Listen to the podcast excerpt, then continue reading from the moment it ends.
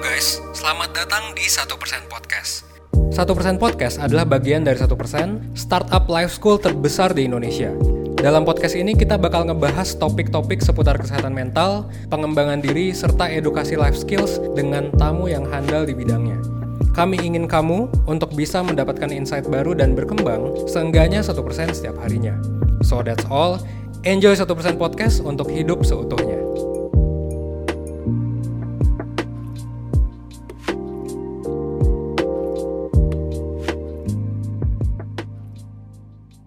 Hai perseners, kembali lagi di podcast satu persen. Nah sekarang di sini gue Ogi, copywriter satu persen, mau ngebahas topik yang menarik banget ya kayaknya ya. Ini biasanya udah sering banget di posting, dibahas secara lengkap di konten-konten Instagram satu persen sih sebenarnya. Cuman mungkin teman-teman masih banyak banget yang bertanya-tanya gitu ya. Ini sekarang kita mau ngobrolin tentang filsafat asik.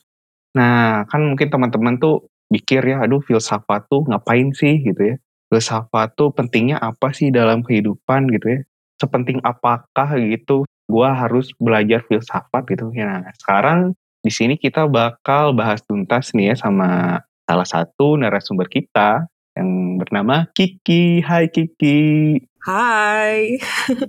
Oke teman-teman, di sini Kiki itu adalah sosial media manager dari satu persen dan kebetulan nih Kiki ini adalah lulusan dari ilmu filsafat Universitas Indonesia. Jadi uh, mungkin Kiki tahu banyak lah ya, sedikit banyak tentang ilmu-ilmu filsafat gitu yang mungkin teman-teman belum tahu.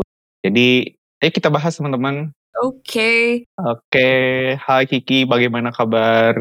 Alhamdulillah lagi sakit nih pagi-pagi tadi lagi radang tenggorokan jadi maaf banget kalau sering batuk di tengah perpodcastan ini. Tapi uh, gue akan membantu ngasih insight sebaik mungkin buat podcast episode kali ini. Wih, ya mending Kiki udah standby air ya kayaknya. ya udah. udah standby air ya. Udah di samping udah sedia banget. Oke biar biar enak gitu ya. Uh, kalau misalnya agak batuk-batuk gini maafin dikit ya.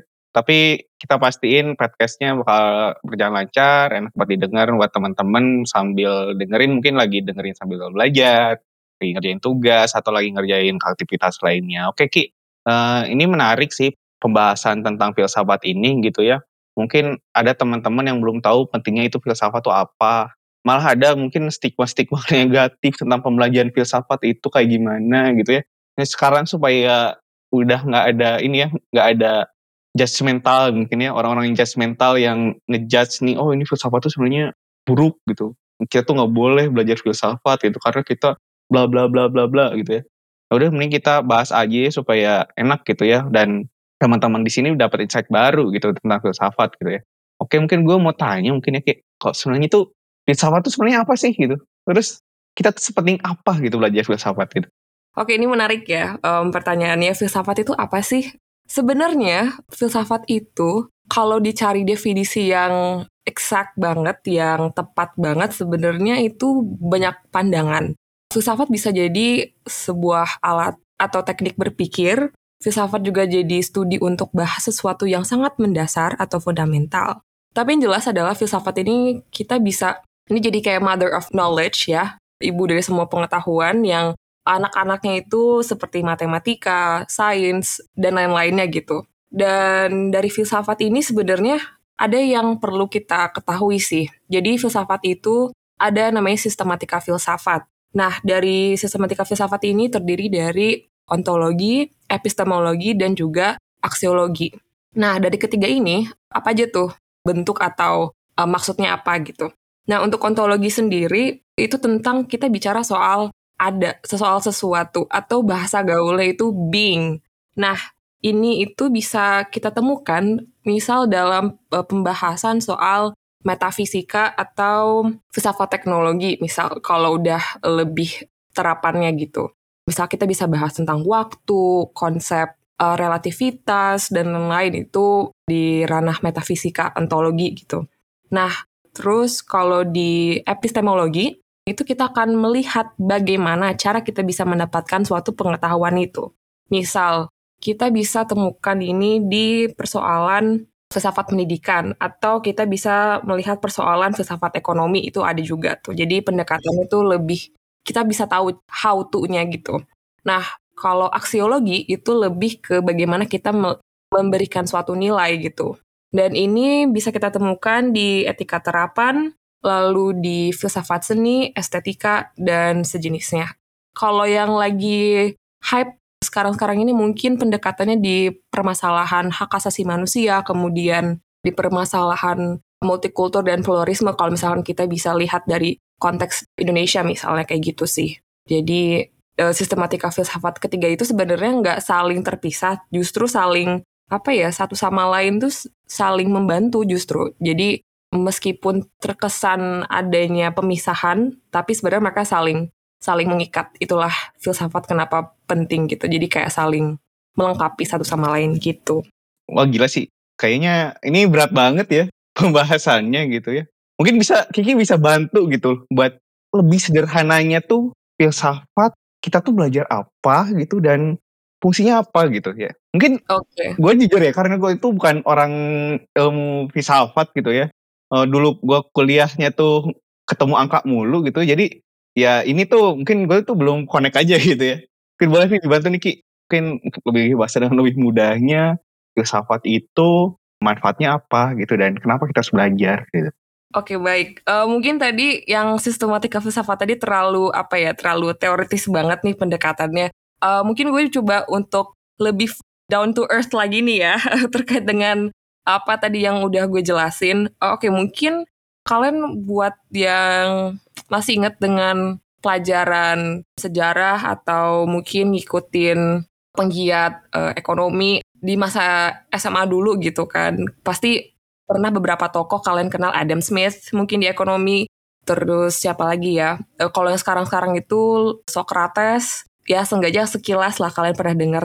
Misal kalau kalian ngikutin konten dari satu persen sendiri gitu. Nah, jadi itu sebenarnya dari tokoh-tokoh ini kita juga bisa belajar sih bagaimana pandangan pandangan mereka tuh mempengaruhi uh, kemajuan sekarang gitu atau relate dengan kehidupan sehari-hari kayak gitu. Dan untuk kita sendiri, kalau secara apa ya di lapangan nih banyak banget permasalahan filosofis gitu yang bisa kita temukan. Contohnya aja kayak berargumen gitu. Ketika kita melihat sesuatu terus kita ngasih argumen terus ternyata kita temukan ada kekeliruan dari dari argumen tersebut. Nah, itu bisa kita bilang bahwa pentingnya logika gitu dan masalah-masalahnya kita bisa ngebedah sih validnya suatu permasalahan kayak gitu. Atau mungkin kalian bisa temukan, kalian bisa nih yang suka sama sastra gitu, kalian pengen banget sastra ini kok bisa ada pendekatannya lebih keren ya gitu ya.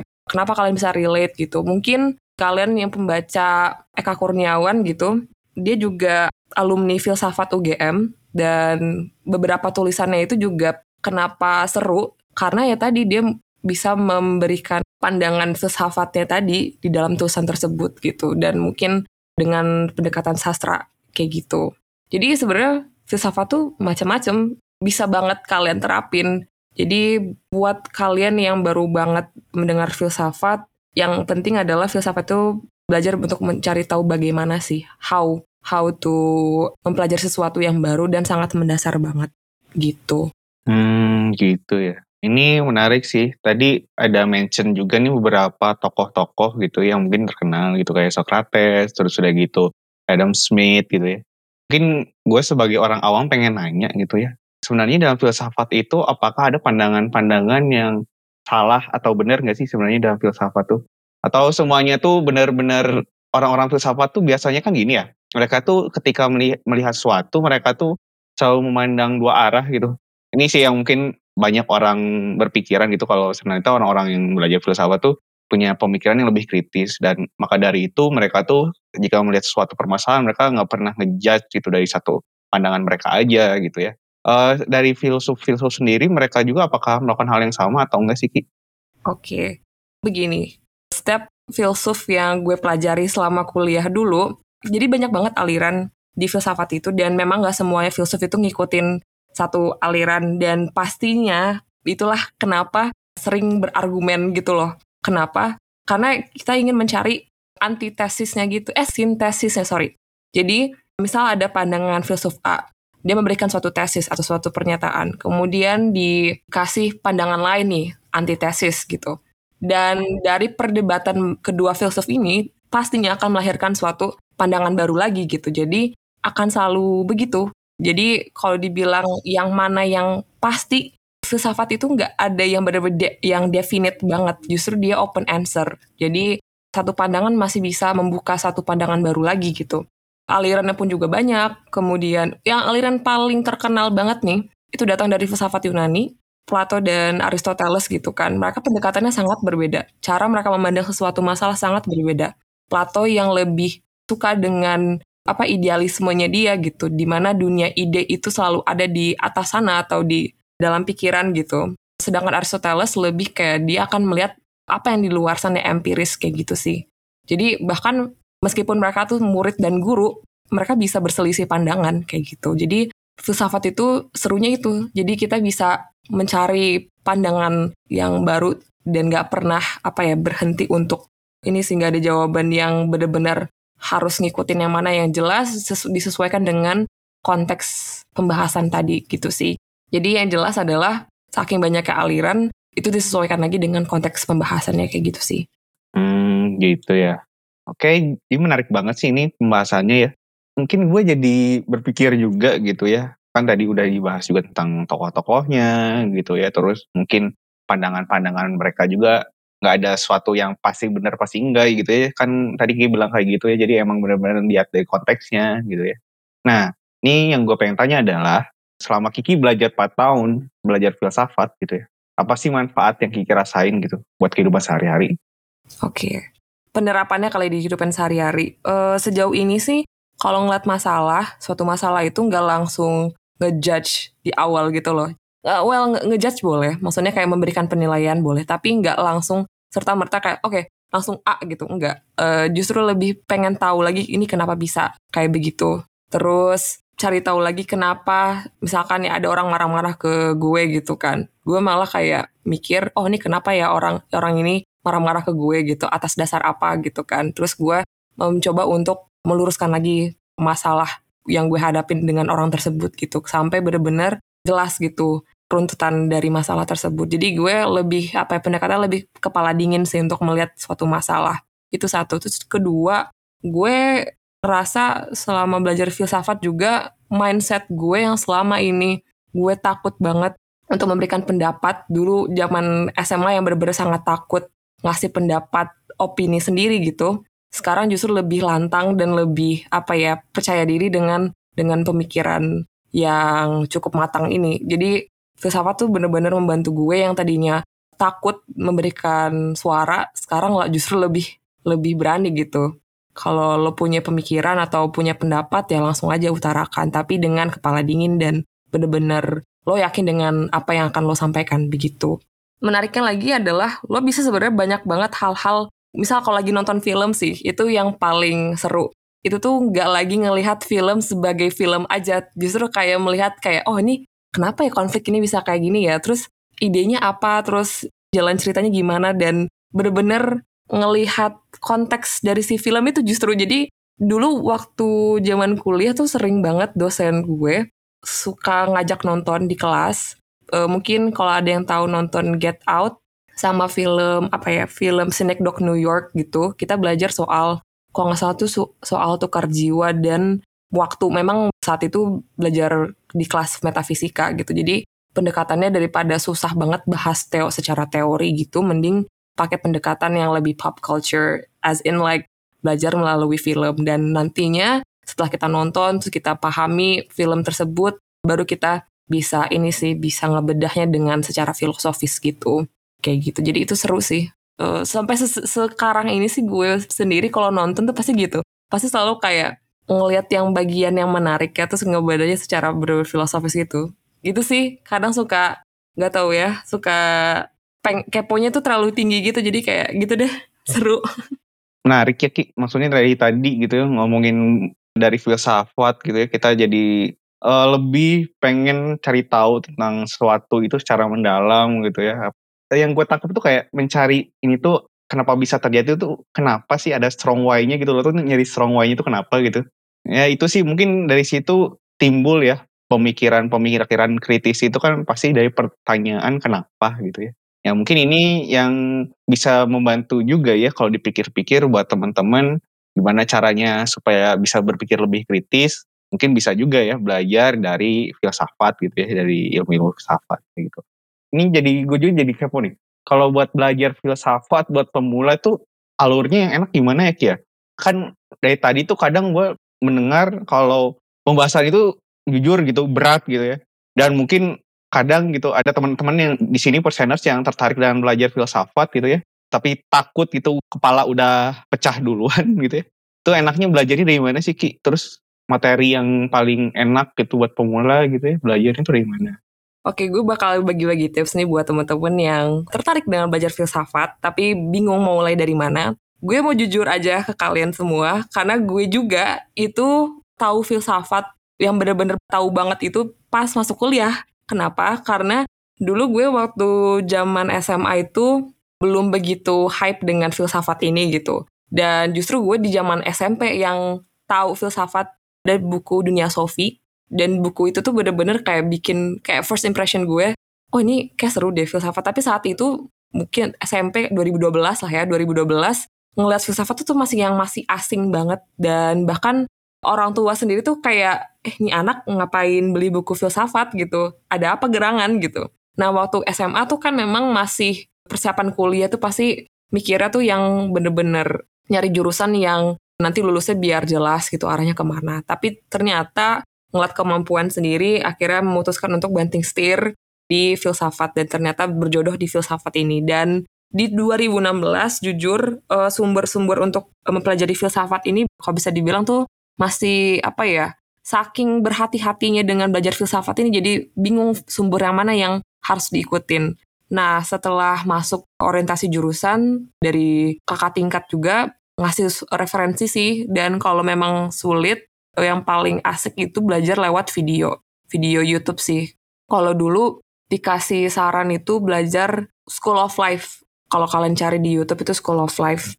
Kemudian ada Crash Course, itu YouTube juga itu kedua video itu benar-benar rekomendasi banget buat kalian belajar uh, filsafat atau uh, ngikutin video-videonya kalau sekarang ini kelas isolasi gitu dari Kak Syarif Maulana kalau nggak salah ya dulu sempat kenal di salah satu seminar kayak gitu jadi itu sih kalau mau baca buku buku yang sangat disarankan adalah buku dari penerbit Canisius. Kenapa? Karena sejauh ini buku-buku dari sana sumber-sumber dari sana itu cukup oke okay untuk kalian ikuti. Kemudian ada beberapa buku dari penerbit margin kiri itu juga beberapa buku filsafatnya juga seru sih dibaca gitu.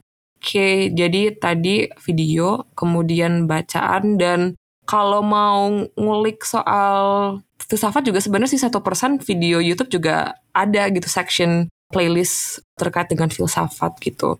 Jadi sebenarnya sekarang itu yang jelas dari mana pun sumbernya yang paling penting itu adalah rasa ingin tahu sih, rasa ingin tahu yang tinggi. Karena kalau kalian mau belajar filsafat, tapi rasa ingin tahu kalian tidak begitu besar, akan susah dan juga rajin membaca itu penting banget.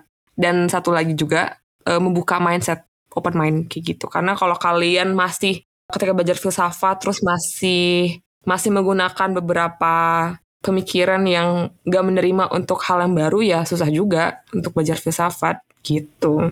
Hmm, jadi kalau belajar filsafat juga ada tuntutan di mana kita tuh harus membuka pikiran seluas-luasnya ya. Maksudnya kalau misalnya yang kita tertutup malah di sana kita nggak akan makin paham jadinya, betul nggak sih? Bener, karena ya itu tadi karena kita udah di dalam diri sendiri udah ngasih semacam batasan gitu loh. Oh, kayak ini gue nggak bisa nerima statement ini nih kayak gitu. Jadi ya susah juga untuk terbuka kayak gitu. Oke oke oke. Nah, uh, ini juga Niki, tadi gue mendengar kata hati-hati. Hati-hati, ini maksudnya apa ya? Soalnya mungkin banyak orang juga, banyak stigma juga gitu ya, belajar filsafat tuh suka dinilai itu nggak bener gitu kan. Ada yang bilang kalau jangan belajar filsafat, ntar lo nggak percaya Tuhan gitu kan. Atau enggak belajar filsafat mah ntar jadi gila gitu ya. Karena ntar biasanya orang jadi orang pemikir jadi mikir terus kalau ada apa-apa tuh gitu dan jatuhnya jadi sulit bersosialisasi atau apa gitu. Itu sih itu kenapa harus hati-hati dan apakah fakta di lapangannya ada yang seperti itu gitu. Oke ini ini ini mungkin gue sedikit cerita ya dari pengalaman dulu pas waktu masuk baru dapat nih baru dapat hasil dari SBMPTN uh, masuk filsafat UI itu langsung dapat stigma yang cukup menyebalkan sih kalau gue bilang. Kenapa? Karena langsung dikasih penilaian kayak oh ntar kamu nanti jadi ini jadi ateis atau jadi nggak bener nanti kuliahnya gitu. Terus jadi lupa sholat gitu kan. Terus gue mikir kayak penilaian atau judgement dari mana ini kok bisa bisa bisanya bilang kayak gitu. Karena gue mikir nggak mungkin lah universitas menyediakan jurusan ini gitu buat mahasiswanya gila. Kan nggak juga gitu. Jadi itu kan logikanya kayak gitu ya. Jadi uh, gue sih mikir gue pede aja gitu. Gue pede banget untuk apa belajar filsafat. Justru itu justru gue pengen pengen ngasih tahu nggak gitu penilaiannya. Terus juga beberapa kali gue langsung dapet stigma juga. Bahkan dari guru sendiri kamu langsung aja pindah ke jurusan gitu. Kamu nggak bakal kuat nanti gitu. Baru banget semester 1 mau masuk ke semester 2 waktu datang ke sekolah terus langsung dibilang kayak gitu udah kamu pindah aja ki gitu. Karena nanti kuliahnya nggak bener. Terus gue kayak dalam hati kayak bu tapi kan ini baru ya bu. Belum belum apa-apa gitu. Maksudnya baru uh, sejauh ini waktu gue juga semester 1 apa ya sangat menikmati sih justru. Dan karena gue juga orangnya itu sangat antusias dengan hal baru jadi gue ngerasa ini bukan beban justru kayak sesuatu yang pelajaran yang menarik karena belum pernah gue temuin waktu zaman sekolah SMA dulu gitu kan. Jadi nggak jadi beban sih sampai sekarang. Alhamdulillah lancar-lancar aja sih kuliah kayak gitu. Jadi stigma-stigma seperti itu memang harus bertahan gitu dengan stigma-stigma itu. Harus tebal lah dengan penilaian itu.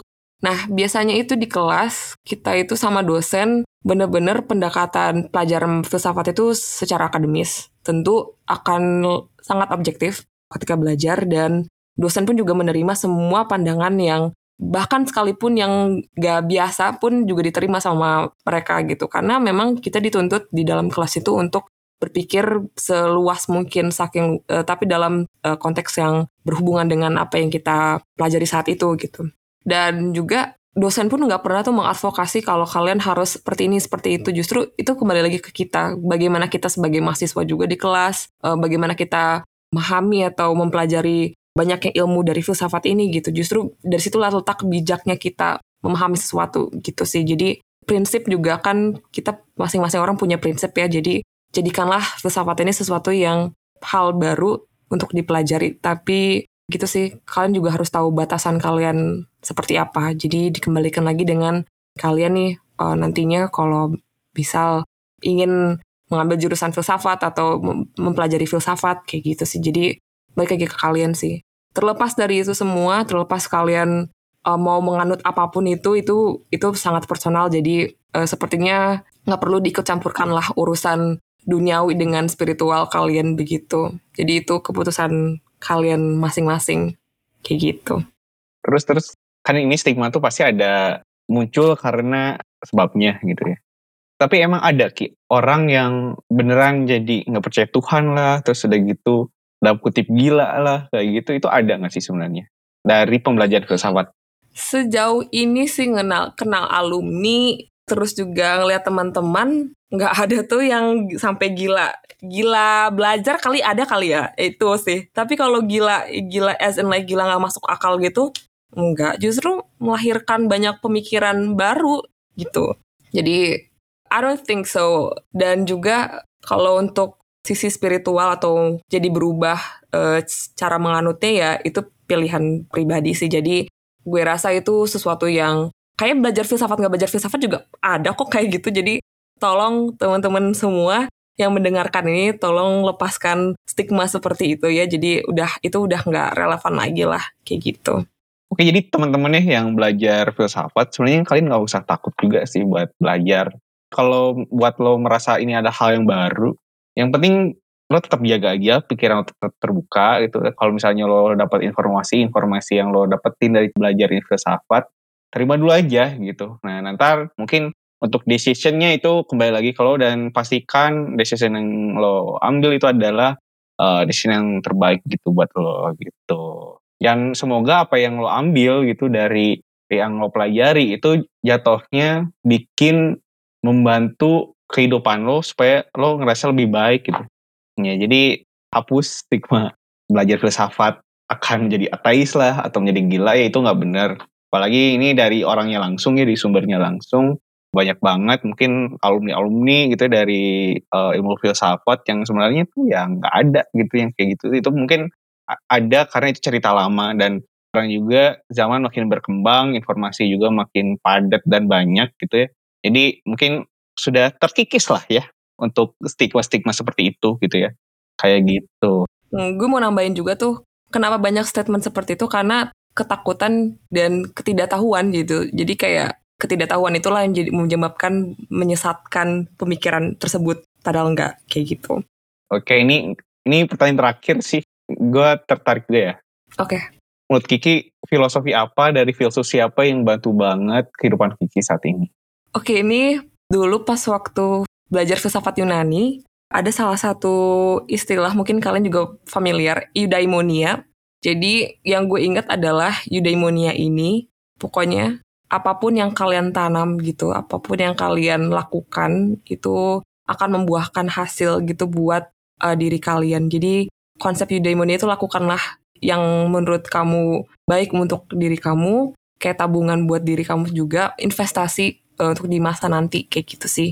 Kalau nggak salah tuh dari Aristoteles sih, eudaimonia. Oke teman-teman, seperti apa yang tadi Kiki kasih tahu ya kita gitu ya. Ternyata belajar filsafat tuh menyenangkan gitu ya apalagi ketika lo menemukan arti dalam sebuah kehidupan gitu.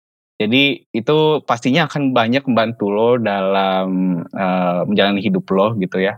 Nah di sini sih yang gue harus kalian tekankan gitu ya dalam belajar tetap punya pikiran terbuka dalam sebenarnya dalam segala hal pun pikiran lo harus tetap terbuka gak sih? Jadi nggak filsafat aja gitu ya.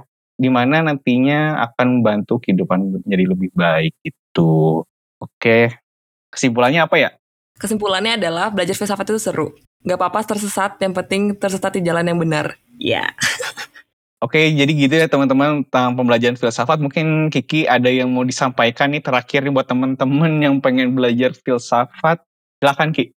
Oke, saran gue untuk teman-teman semua yang mendengarkan podcast ini, jangan pernah takut untuk belajar filsafat karena filsafat itu sangat menyenangkan. Kedua, rasa ingin tahu dan banyak eh, baca itu jadi penting uh, dalam filsafat juga.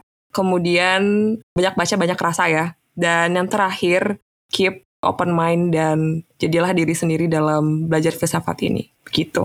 Mantap. Oke teman-teman, menarik banget ya pembahasan kita ya. Jadi buat teman-teman kalau mau belajar filsafat silahkan lihat video-video YouTube dulu mungkin yang gampangnya ya Ki ya. Benar. Ya, yang tadi gue denger tuh apa School of Life ya, gue juga pernah uh, nonton sih School of Life gitu ya. Itu mungkin yang mungkin gampang buat dicerna gitu dengan bahasa yang mudah dimengerti itu. Atau kalian juga bisa nonton video-video dari satu persen yang tentang filsafat, ada stoicism. Ada apa lagi sih Ki biasanya dulu? Ada ikigai, ada eksistensialisme, Iya, dan kita dari tim satu persen juga berusaha buat ngasih uh, ilmu ilmu filsafat dengan cara yang menarik dan gampang dicerna ya. Jadi kalian bisa nih nonton video-video dari satu persen. Oke, uh, makasih banget Ki pembahasan hari ini menarik banget. Makasih juga buat ilmu-ilmu yang sebelumnya nggak gue ketahui tentang filsafat gitu ya dan apalagi banyak orang yang berpikir kalau filsafat itu aneh-aneh sebenarnya enggak gitu ya. Ini kita lurusin aja di sini gitu. Makasih juga buat perseners yang udah dengerin podcast kita sampai habis tetap ikutin podcast kita. Mungkin kita akan adain podcast-podcast seru lainnya dengan topik-topik yang lebih menarik lagi. Pantengin kita, follow sosial media kita di satu persen official, atau YouTube kita di satu persen. Gitu. Makasih semuanya. Gue Ogi. Gue Kiki. Selamat malam perseners. Bye. Selamat malam.